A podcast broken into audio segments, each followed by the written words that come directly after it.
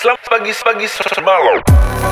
Selamat pagi, siang, sore, dan malam. Kembali lagi di podcast Kimia Bersuara.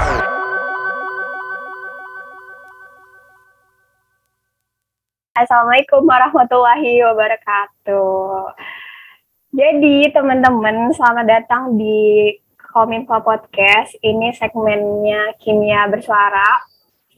Uh, oh ya pertama-tama kali pertama-tama mungkin ini ya gue pengen kenalin diri uh, as a host today. Jadi nama gue Manda Rahmawati dari Pendidikan Kimia 2019. 2019. Jadi gue angkatan uh, 2019 semester 5. Nah, ada gestar kita nih kali ini gue bersama dua orang yang dari tadi Assalamualaikumnya ribet sebenarnya.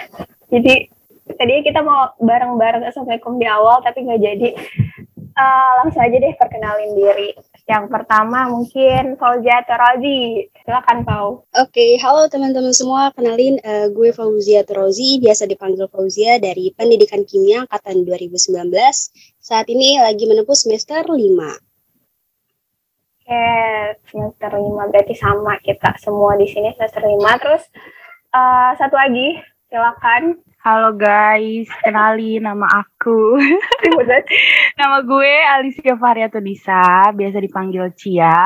Gue dari jurusan uh, Pendidikan Kimia C semester 5 angkatan 2019. Ah, iya, benar kita sama-sama kelas C guys. Kita bertiga-tiga uh, warga cum laude. Amin. Amin guys.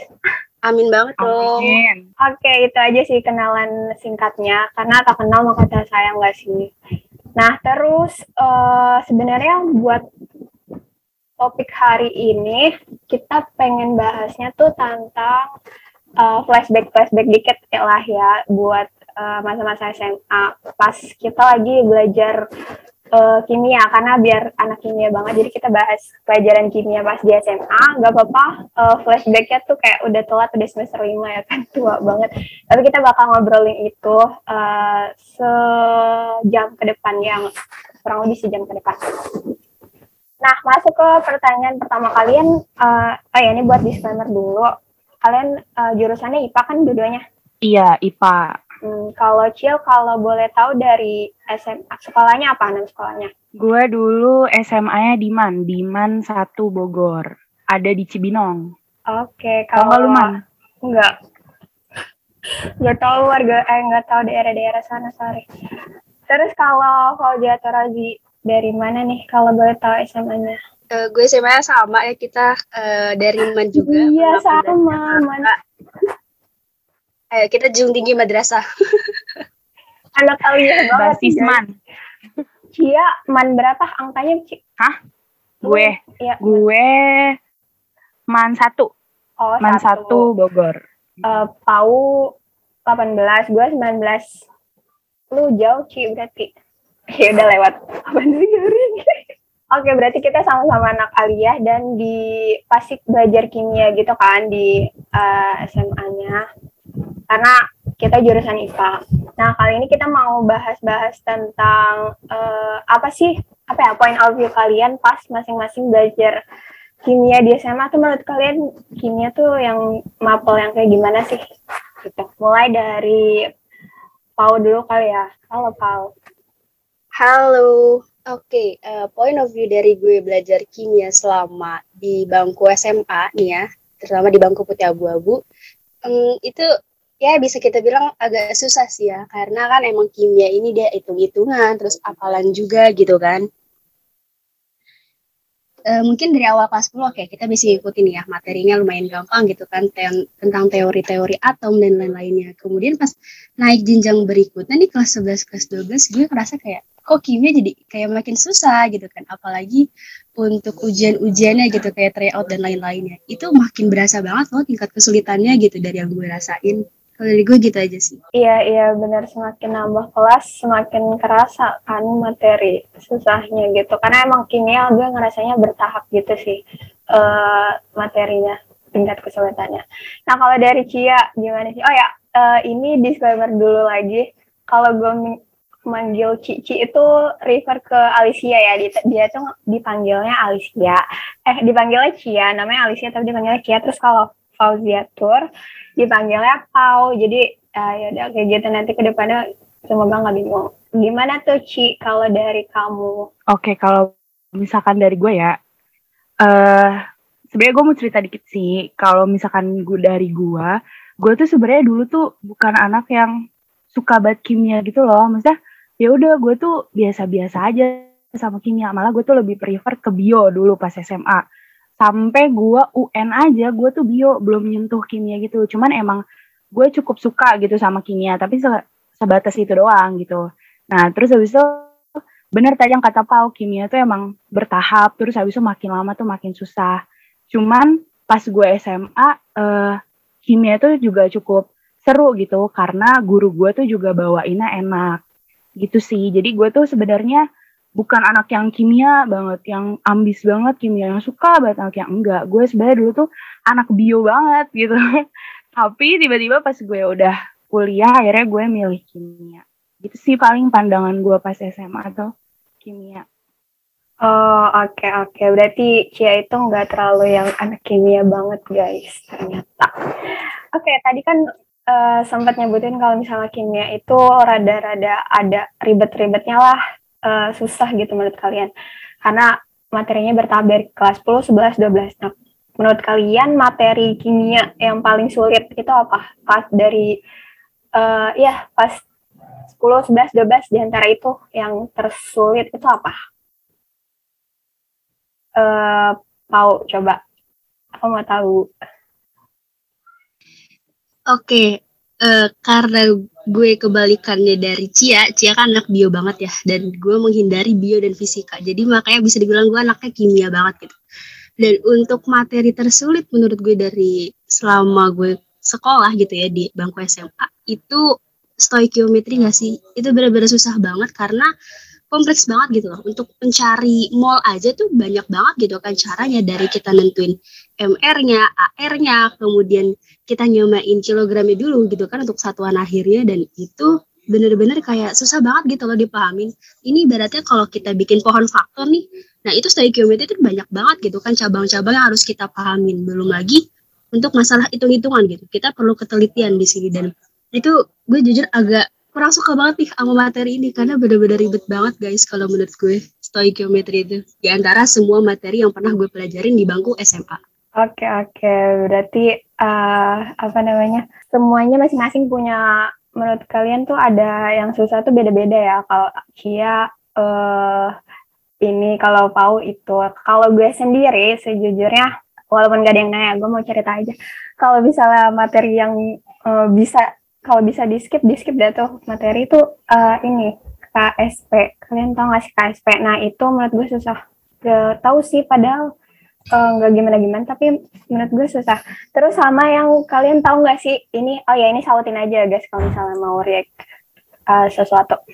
Uh, yang apa namanya kol koligatif yang sol dalam padat sol dalam cair itu itu nggak ada hitung hitungan kan tapi gue apa yang nggak masuk logika gue aja gitu kenapa itu soal dalam padat? Terus ya pokoknya gue nggak nyampe deh logikanya ke situ-situ. Menurut gue uh, itu kalau bisa di skip materi kimia itu kalau bisa di skip di skip deh gitu. Intinya. Oke okay, itu uh, apa namanya sharing gue. Terus uh, kita next ke pertanyaan selanjutnya kali ya. Jadi uh, tadi kan kita juga sempat bahas bio bioan. Uh, ini lebih ke games gitu sih. Jadi one di antara tiga ini kimia, fisika, biologi. Kalian mending yang mana? Pilih satu. Terus kenapa alasannya? Dari Pau coba. Mendingan yang mana nih Pau? Oke, okay, antara fisika, kimia, biologi nih kalau boleh gue jabari ya menurut pandangan gue fisika ini dia lebih ke full hitung-hitungan gitu konsepnya. Terus biologi lebih ke full hafalan. Dan kimia ini ada di tengah-tengahnya di mana 50 persennya hitung-hitungan, sisanya itu hafalan. Dan gue lebih pilih kimia. Karena apa? Karena otak gue di fisika untuk full hitung-hitungan tuh nggak nyampe ya jujur. Karena gue benci banget fisika gitu, gue nggak suka banget sama fisika dan gue gak suka banget sama biologi karena hafalan banget itu materi seabrek-abrek harus lu pahamin itu gue nyerah banget gitu. Kalau bisa di skip gue gak mau banget ketemu biologi fisika. Dan ternyata gue masuk ke jurusan pendidikan kimia yang ternyata di dalamnya itu mereka antara kimia itu bersahabatan gitu sama fisika dan Iya. biologi dan habis pikir kayak oke ini harus gue hadapin gitu. Walaupun gue gak suka nih sama dua materi yang harus gue skip gitu ibaratnya kalau bisa. Itu sih kalau dari gue. Eh, ya ya oke, gue setuju sih. Fisika tuh terakhir deh kalau boleh diurutin kimia, biologi, eh, sejarah, ekonomi, bahasa Indonesia, bahasa Inggris, fisika terakhir bisa nggak sih? Eh, kalau Cia gimana nih Ci? Pilih mana? Kalau gue sebenarnya pas dipilih tiga itu gue emang cukup sulit sih ya milihnya. Kalau menurut gue karena sekarang gue jurusan kimia, yang pasti gue milih kimia sih. Karena kan Hmm. waktu SMA itu gue kayak ya udah gitu suka kimia, ya udah gitu. Gue lebih ke bio gitu kan. Nah, ketika gue masuk ke jurusan kimia, gue lebih kenal lagi nih sama kimia. Walaupun emang di SMA tuh gue udah cukup kenal sama kimia, cuman kan nggak gimana ya ya biasa-biasa aja gue anak kimia yang biasa-biasa aja gitu nah pas gue masuk jurusan kimia gue jadi ngerasain kayak manfaatnya gue kayak tahu nih oh ternyata tuh bahan ini tuh berbahaya ya nggak sih terus habis itu kita jadi tahu oh ternyata bahan yang ini tuh boleh terus kayak eh, oh ternyata K3-nya tuh kayak gini ya kayak gini kayak gitu gitu ini boleh dihirup itu nggak boleh segala macam jadi tuh kayak kimia tuh bener-bener berdekatan gitu istilahnya sama kita bener tadi kata Pau eh, bersangkut pautan juga sama bio, sama fisika. Jadi tuh kayak kimia tuh istilahnya ada di sekitar lu gitu. Bener-bener ada di sekitar lu. Kayak lu mau eh, oksigen, oksigen kan juga termasuk dalam kimia kan. Itu ada di sekitar lu, lu hirup itu gitu kan. Jadi kayak eh, kalau misalkan disuruh milih, gue milih kimia sih sekarang. Karena makin lama tuh ternyata kimia makin seru. Walaupun emang gak bisa dipungkiri makin susah. Tapi sejauh ini ya gue tetap milih kimia sih. Oke, makasih Cia, Pau atas jawabannya. Setuju banget sih, kimia itu dekat banget sama kita. Dan apa ya namanya? Hmm, kalau kalian misalnya minat, eh apa nggak terlalu minat sama kimia ya kalian harus menyadari itu kalau kimia itu emang benar-benar dekat sama kita. Karena eh, setiap di lingkungan kita ada kimianya guys gitu. Nah terus, eh, nah menurut kalian gimana cara buat ngilangin sugesti kimia? Soalnya kan tadi kita sempat bilang kimia itu rumit, kimia itu ribet. Gimana cara ngilangin sugesti itu, guys? Menurut eh, Pau, gimana? Oke, kalau dari gue cara ngilangin kimia itu nggak sulit di dalam diri kita sendiri. Yang pertama adalah adaptasi sama stigma yang ada gitu. Nah, jangan sampai kita ngebuat stigma negatif yang bisa mempengaruhi diri kita sendiri gitu. Karena kan kita tahu ya, eh, namanya stigma gitu ya, atau asumsi yang kita buat-buat, apalagi dalam eh, sifatnya negatif gitu ya, baik untuk diri sendiri gitu. Misalnya kita anggap kimia itu sulit banget, kimia itu susah banget gitu. Nah, itu kan bakal jadi bumerang gitu ke depannya. Kalau kita udah punya asumsi seperti itu kan pasti bakal ngaruh ke diri sendiri. Ngaruhnya ke apa? Ngaruhnya ke pertama makin males gitu kan buat pahamin kimia dan gak ada kemauan atau motivasi gitu kan untuk lebih niat mem- memperdalam ilmu kimia gitu. Kalau dari gue sih yang pertama kita adaptasi dulu gitu sama pelajarannya, terus kita juga harus suka dulu sama guru dan materinya gitu. Karena kan eh, di SMA itu guru kan eh, karakternya beda-beda ya. Ada yang mungkin di sekolah A guru kimianya galak banget gitu, ada yang di guru B kimianya baik banget gitu kan nilainya nggak pelit. Nah ini kan tentunya buat jadi struggle gitu kan buat masing-masing dari kita untuk bisa mau mahamin kimia. Jadi pertama itu kita adaptasi sama pelajaran dan gurunya gitu, sukain dulu itu materi dan guru. Dan yang kedua penting banget untuk menghindari stigma negatif atau asumsi buruk yang kita buat sendiri. Karena kan ya kita tahu ya itu asumsi kita buat sendiri jangan sampai jadi bumerang juga buat diri sendiri.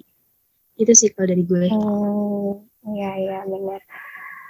Eh, oh iya sebelum lanjut ke Cia, eh, kayaknya gue kelewat satu pertanyaan sebelum itu harusnya kenapa menurut kalian kenapa kimia itu kurang peminatnya di SMA? Iya nggak sih? Kalian setuju nggak sih kalau misalnya kimia eh, kurang peminatnya?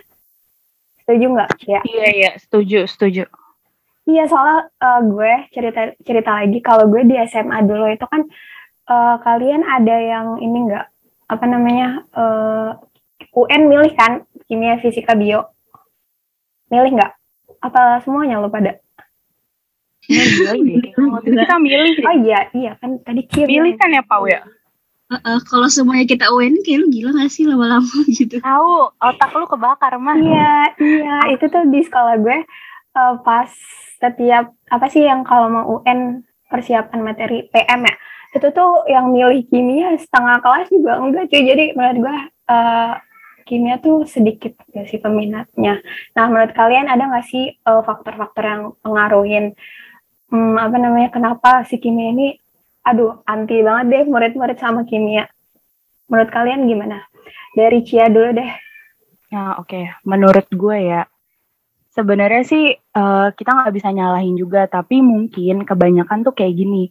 Tadi udah disinggung juga sama Pau yang masalah guru. Sebenarnya menurut gue poin pentingnya itu berawal dari guru sebenarnya. Bener gak sih? Kayak gimana ya banyak yeah, orang yeah. tuh yang anak-anak iya anak-anak tuh yang belum kenal nih sama kimia. Nah, berawalnya kan dari gurunya kan, gurunya tuh yang harus mengenalkan tentang kimia segala macam gitu. Nah, ketika lo belajar kimia yang bahkan tuh nggak ada gitu dari SD. Mungkin ada di SMP tapi nggak spesifik nggak spe, spesifik di SMA gitu. Dan tiba-tiba lu dapet guru yang kurang nyaman gitu, pasti lu bakal nganggep ah itu susah bener tadi kan kata Pau. Dan uh, ada juga guru yang terlalu teoritis gitu. Jadi tuh anak tuh nggak kebayang, ya apaan sih itu, itu apaan sih gue nggak kebayang deh gitu kan. Kita pasti pernah mikir kayak gitu, aduh gue nggak kebayang nih gitu. Nah, menurut gue sebenarnya poin, poin awalnya tuh itu dari gurunya. Nah, makanya nanti kalau misalkan kita nih calon-calon guru kimia harus apa ya, harus bisa jadi guru yang milenial lah istilahnya gitu. Menurut gue sih faktor utama, faktor poin pentingnya tuh di situ gitu di gurunya. Kita emang nggak bisa nyalahin, cuman itu kebanyakan dari situ gitu. Menurut gue ya menurut gue itu tuh dari situ. Makanya kita harus bikin perubahan gitu istilahnya bagi calon-calon guru. Kita harus bikin perubahan. Kan kita udah pernah ngerasain gimana rasanya jadi uh, ngerasain dapat guru tuh yang gak enak gitu. Nah kita kan harus bikin perubahan biar nanti ke depannya nggak terus-terusan kayak gitu. Biar ke depannya tuh nggak dikit gitu peminat peminat kimia. Padahal sebenarnya kimia tuh seru gitu kalau misalkan disautin ke kehidupan gitu. Jadi ada bayangan lu jadi punya bayangan gitu.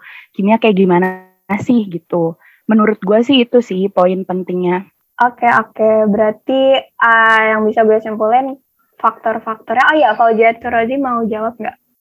Aduh kenapa gue nyebutin ngangkat dah? Uh, menurut menurut lo apa faktornya? Tapi tadi lo udah itu sih sebutin mungkin lebih di ini lagi Oke deh, gue menambahin. Uh, ini kalau gue kaitin, gue kaitin sama Manda, kan Manda uh, nyimpulin kalau di sekolahnya dia yang milih kimia gitu, bukan buat UN ini nggak nyampe setengah kelas. Itu kayaknya gue kebalikan sama Manda deh, di mana kimia ini kalau boleh diurutin ya uh, untuk uh, banyaknya peminat di tiga mata pelajaran antara fisika, kimia, biologi di sekolah gue itu terkhusus di angkatan gue ya itu kalau diurutin dari biologi paling banyak, kimia kedua, dan fisika itu paling terakhir paling dikit. Artinya apa? Artinya kan balik lagi ke masing-masing orang gitu. Nah, di mana dia balik lagi ke basic skillnya gitu. Apakah dia lebih mampu di full hitung-hitungan atau dia lebih kuat di hafalannya, terus ataukah dia uh, tipenya kayak gue gini yang setengah-setengah gitu, setengah hafalan dan setengah hitung-hitungan jadinya milih kimia gitu. Nah untuk poinnya itu tadi, pertama balik lagi ke basic dari anak-anak ya, karena kan kita nggak bisa maksain gitu ya, untuk mereka harus suka gitu sama kimia. Balik lagi ke kemampuan diri mereka masing-masing yang udah Allah kasih gitu. Terus untuk poin kedua, uh, gue setuju juga sama uh, point of view yang udah disampaikan Cia, terlebih uh, untuk masalah guru dalam menyampaikan materi gitu.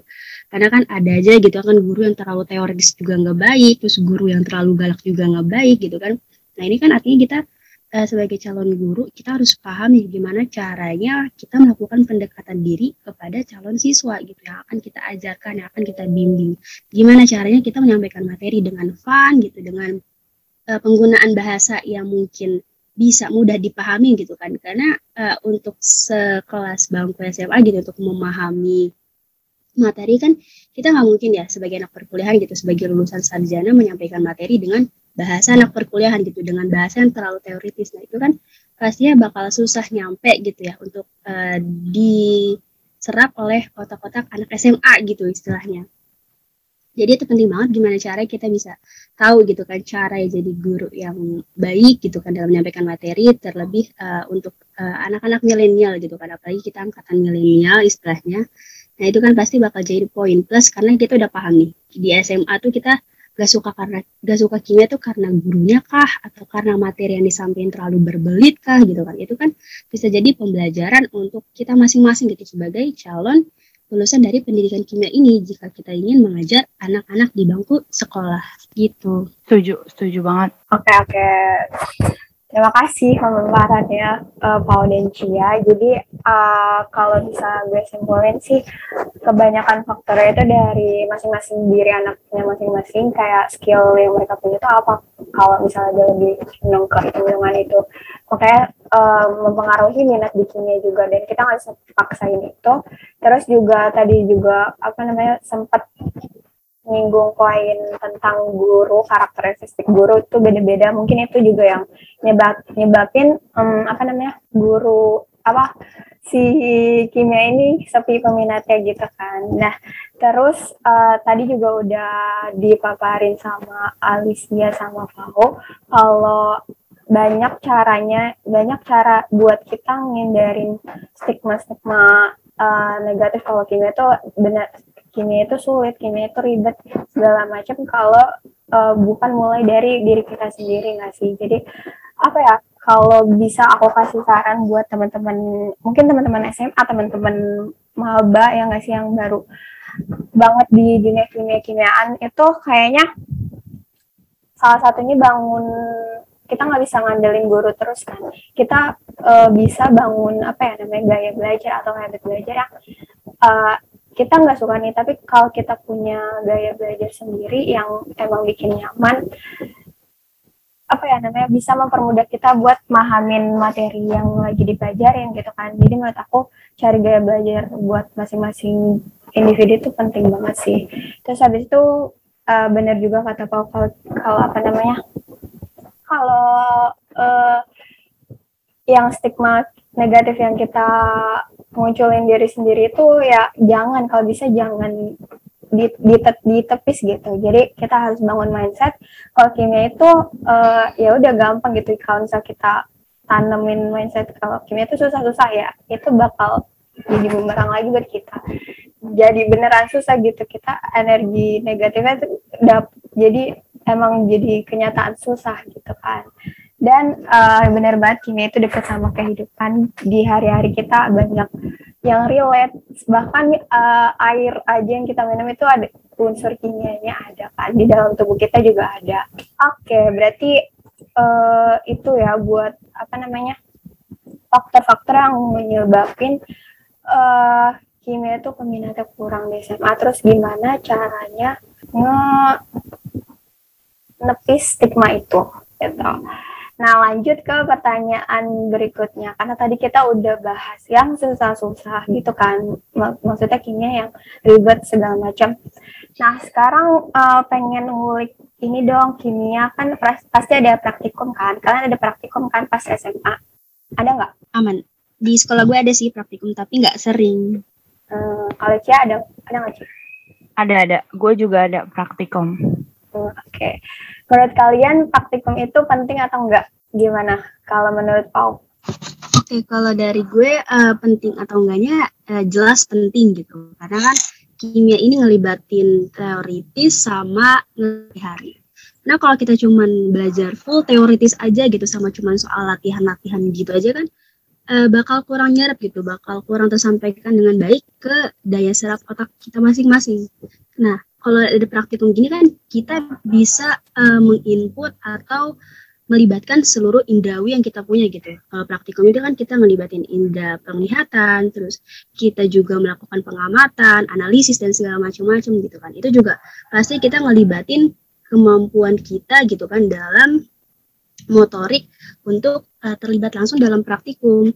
Jadi kan selain kita melakukan analisis gitu, kita kan juga jadi tahu gitu ya. Oh ternyata dari apa yang disebutkan dalam teori A terbukti nih kalau kita praktikum ternyata benar gitu hasil dari output teori tersebut benar adanya dan benar setelah kita ujikan dalam praktikum ini gitu.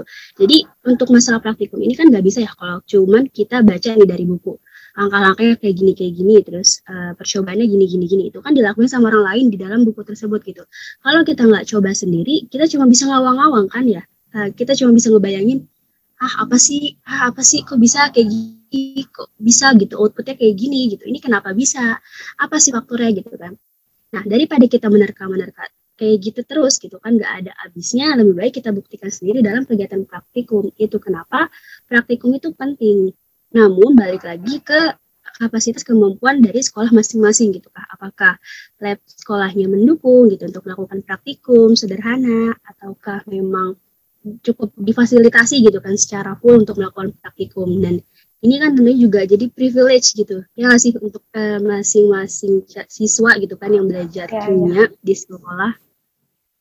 Kalau mereka punya di fasilitas lab yang sangat mendukung itu kan tentunya privilege di mana mereka bisa memanfaatkan itu dengan sebaik-baiknya gitu. Mereka amati mereka analisis semua praktikum yang ada yang memang diujikan gitu kan dalam silabus uh, mata pelajaran yang diujikan di sekolahnya gitu sesuai dengan kurikulum. Nah kemudian untuk uh, sekolah yang fasilitasnya kurang mumpuni gitu ya dalam segi laboratoriumnya ini kan memang uh, cukup disayangkan gitu sehingga mungkin uh, beberapa kegiatan praktikum terpaksa ditiadakan atau mungkin dari 10 rangkaian kegiatan praktikum yang direncanakan di silabus terpaksa yang harus dilaksanakan cuma dua gitu. Nah ini kan pastinya uh, sangat disayangkan gitu ya karena kita melewatkan hal-hal penting terkait uh, inti dari praktikum dilakukan. Itu sih kalau dari gue. Iya masa kalau di gue uh, praktikumnya itu ya emang harus bareng-bareng sih jadi ganti-gantian gitu labnya.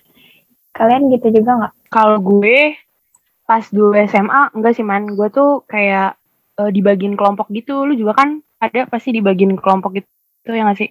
Iya iya tapi alatnya ganti-gantian. Tapi nggak tahu sih gue lupa banget. Iya sih emang tiap sekolah tuh bener tadi kata Pau kan beda-beda gitu sih emang pasti. Oke. Okay. oke okay, oke. Okay. berarti ya uh, masing-masing pernah praktikum lah ya. Terus oh iya Cia menurut kamu penting gak sih praktikum? Penting banget penting banget. Bener tadi kata Pau tuh praktikum tuh bener-bener penting banget.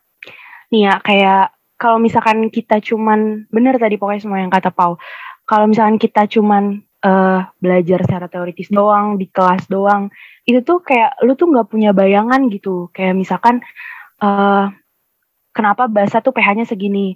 Kok bisa kayak gitu ya? Kayak lu nggak ada bayangan kan bahasa bahasa kayak gimana sih segala macem. Itu tuh lu tuh nggak punya bayangan gitu. Nah, gimana caranya biar itu ada bayangan, biar nyangkut di otak? Ya salah satu caranya tuh pakai praktikum. Jadi tuh menurut gue penting banget gitu. Istilahnya praktikum tuh wadah lu gitu, wadah lu buat memperjelas dan membuktikan kan teori yang lu pelajarin di kelas gitu.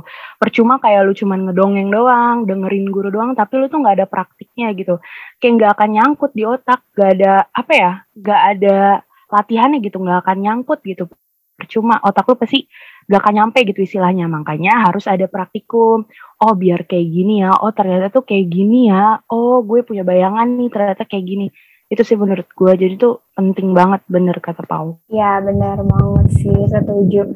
Jadi gue inget kata-katanya Pak Tony. Itu masih kemarin pas dia lagi jelasin baru banget. Yang pembelajaran yang baik itu adalah pembelajaran pembelajaran yang melibatin indra indra perasa terus penglihatan. Jadi kita benar-benar dapat feel nih nggak cuma dari buku doang. Uh, lu tahu bahasa itu warna merah eh warna biru dari mana sejak kapan warna merah? Warna biru gitu kan. Tapi kita nggak pernah nyoba sendiri. Dan uh, menurut gue itu apa ya uh, poin serunya dari menjadi orang kimia nggak sih? Sering-sering ngelakuin eksperimen gitu. Terus uh, lanjut ke pertanyaan berikutnya. Karena tadi kita nyinggung-nyinggung eksperimen dan percobaan menurut kalian praktikum apa yang selama ini kalian lakukan uh, yang menurut kalian tuh seru? Ah pengen lagi. Atau uh, kayak uh, seakan-akan norak gitu loh. Menurut tahu apa? Kalau dari gue yang paling uh, cukup berkesan itu uh, tentang tekanan osmosis sih. Itu kan kita ngelibatin uh, beberapa bahan gitu ya. Kalau di sekolah gue uh, waktu itu angkatan gue pakainya kentang. Di situ kan kayak ada serunya gak sih kita sambil motong kentang gitu kan ibaratnya kita kayak lagi berasa di dapur gitu. Terus akhirnya kita ujikan di dalam air gitu apakah kentang tersebut ngambang gitu atau tenggelam. Di situ kan kita bisa uji gitu. Uh, sebenarnya tuh kentang ada tekanan osmosisnya nggak sih? Apakah dia menyerap air gitu kan di dalamnya sehingga dia bisa tenggelam gitu kan? Di situ menurut gue paling seru. Uh, serunya itu mungkin kalau kita lihat dari sudut pandang anak bangku sekolah gitu ya di bangku SMA serunya tuh mungkin bukan lebih ke praktikum ya ya tapi lebih ke ngurung waktu untuk jam kosongnya ya nggak sih? Jadi kan kayak semakin lama praktikum semakin lama juga semakin lama juga gitu kan jam mata pelajaran selanjutnya buat mulai. Misalnya itu mata pelajaran yang lo nggak suka gitu anggap aja MTK nih. Itu kan kayak lo makin seneng gak sih kalau praktikum yeah. lama terus MTK jadi ngulur akhirnya nggak jadi gitu kan? Itu kalau kita yeah, bener, pandang bagus sekolah. Itu sih kalau dari gue. Oke berarti percobaan asmosis ya kalau menurut kau kalau Cia apa nih praktikum yang menurut kamu seru? Kalau menurut gue ya, sebenarnya nih ya, sejujurnya gue tuh agak lupa sebenarnya nih praktikum yang seru. Soalnya dulu tuh pas SMA gue tuh yang lebih banyak praktikum tuh bio di sekolah gue. Kayak bio tuh gila banyak banget praktikumnya. Jadi tuh agak-agak lupa sebenarnya gue sejujurnya maaf ya guys agak-agak lupa. Tapi pas gue inget-inget lagi, menurut gue ya yang lumayan seru, yang kayak wow gitu, itu tuh pas uji PH. gak tahu ya kayak kenapa uh, tuh? Kenapa tadi Pau mah tadi mah Pau mah kentang ya gitu ya. Gak tau nih gue ingetnya uji PH aja tuh yang seru. Oh karena kayak, itu satu-satunya yang diinget ya nggak? Iya iya gue kayak tiba-tiba inget oh iya uji PH gitu. Dasar. terus jadi tuh lu tau kan pas uji PH tuh uh, kayak di situ ngelihat perubahan warna itu menurut gue keren banget ya. Kayak apa ya sebelumnya kan kita nggak pernah ada praktikum-praktikum kimia kan SMP juga kayak gue nggak ada gitu. Pas ngelihat perubahan warna kayak ditetesin pakai apa ya pakai apa tuh gue lupa. Terus tiba-tiba dia berubah jadi warna merah terus habis jadi ada yang oranye iya ada juga tuh yang pakai kertas lakmus tuh waktu itu. Terus ini dia kayak ditetesin gitu man. Dan itu kayak semua tem kan sekelompok sekelompok gitu ya kayak wah wah wah pada kayak gitu. Kayak itu keren aja gitu seru aja berasa pinternya gitu gue kayak pas ngerjain itu ih langsung berubah lah gitu kan.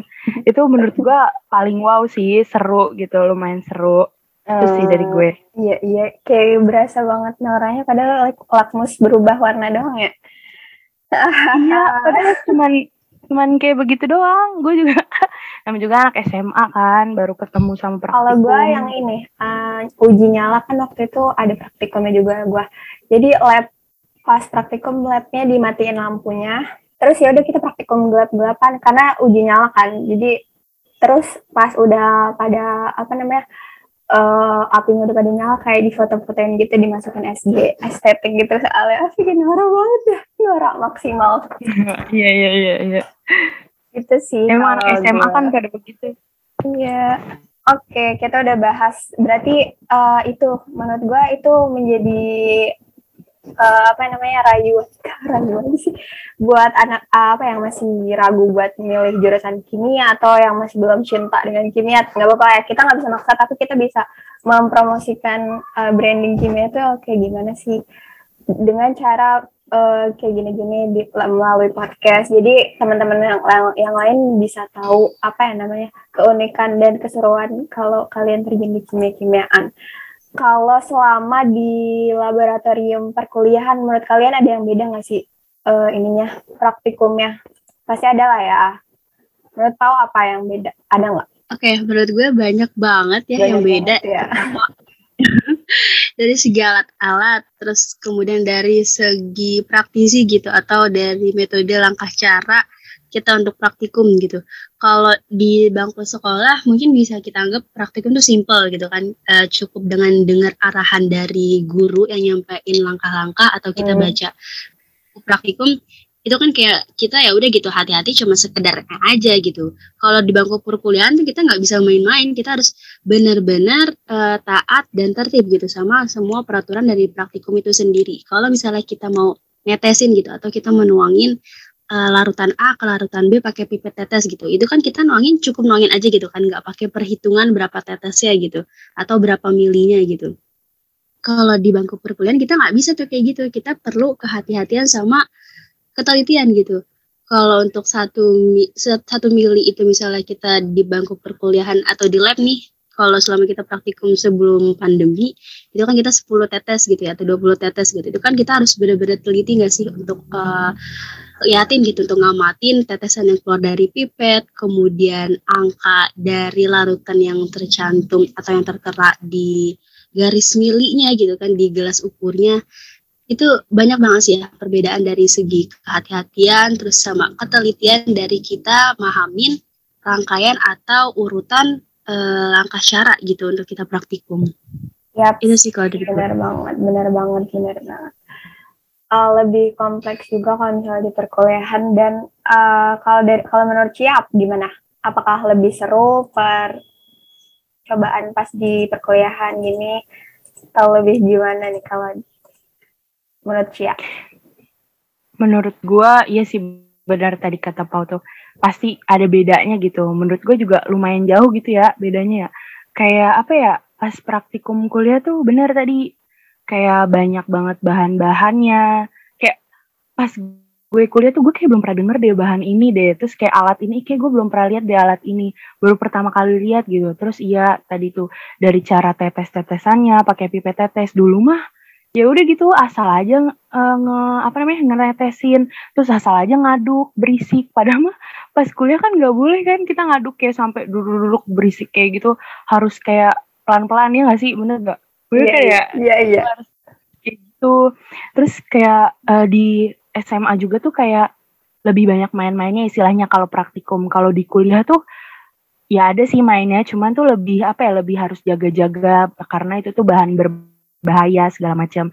Dan yang pasti bener lebih seru sih lebih asik karena tuh kita jadi belajar banyak kan. Ketemu hal baru ketemu bahan baru alat baru uh, kita jadi tahu K3-nya ternyata yang ini tuh nggak boleh bla bla bla segala macam gitu sih kata gue iya oke okay. terima kasih.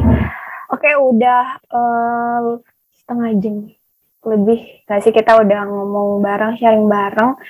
Dan apa ya menurut gue yang terpenting dari bahasan kita kali ini jangan ngelihat kimia tuh dalam sempit gitu kita harus cari perspektif lain terutama kalau misal kalian yang apa namanya masih ragu buat apa sih promosiin jurusan kimia banget atau kayak apa sih kimia sulit banget itu kalian tanya-tanya ke uh, apa namanya orang-orang yang emang di bidangnya gitu. Jadi kalian lebih perspektifnya luas dan open minded gitu. Kalau dari Kia sama Pau ada kayak closing statement nggak buat adik-adik maba atau enggak anak-anak SMA yang menurut mereka tuh kayaknya tuh masih ribet deh segala macam menurut Pau gimana? Ada nggak closing statement dari gue ada sih uh, pertama ya untuk menghindari hal kayak gitu kita penting banget untuk memahami diri sendiri kenalin diri sendiri. Karena apa? Karena ini bertujuan untuk kita tahu nih metode belajar seperti apa sih yang kita butuhin. Karena kan dari setiap individu pastinya mereka punya caranya sendiri gitu kan, punya metodenya sendiri untuk memahami pelajaran. Kayak cara belajar gue sama Manda nih nggak bisa nih disamain gitu kan, apalagi dengan kapasitas yang pastinya berbeda gitu dari tiap individu yang ada. Itu gunanya kalian itu belajar ya untuk diri sendiri, jangan karena ikut-ikutan gitu. Misalnya uh, ah si A bicara belajarnya kayak gini kayaknya seru deh gue coba deh gitu. Terus akhirnya kalian nyoba terus nggak nyaman kalian jadi malas gitu kan buat belajar lagi. Nah itu di situ kalian nggak boleh nyerah gitu.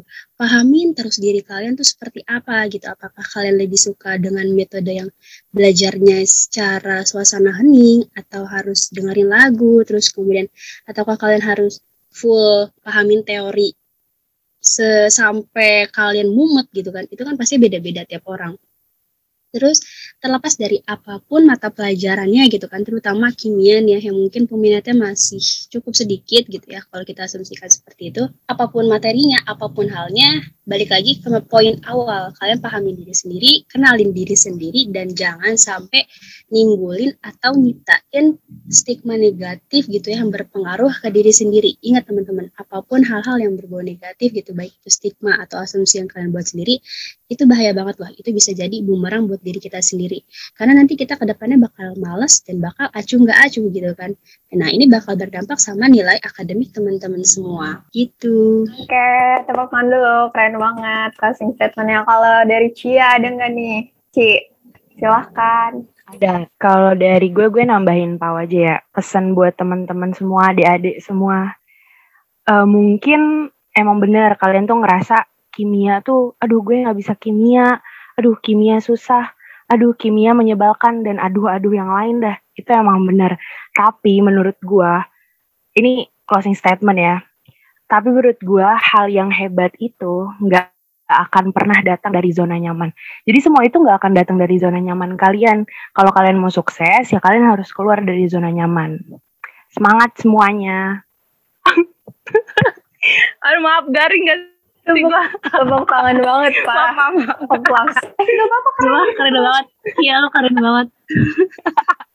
Di Google nggak, Ci? Eh, ya gue nyari Google, gue bisa bingung. Ya udah, pesannya apa Jujur lagi apaan ya pesannya. Udah deh, gue kayak ya udah gue nambahin. Untung Epau yang pertama, bukan gue yang pertama kan Yaudah. aneh banget kalau gue. Oke, sepertinya mulai chaos. Jadi uh, sampai sini aja podcast Kimia Bersuara kali ini.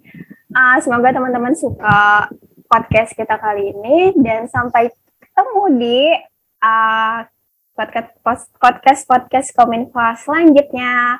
Ayo kita salam bareng dong. Wassalamualaikum Waalaikumsalam warahmatullahi wabarakatuh. Dadah. Dadah.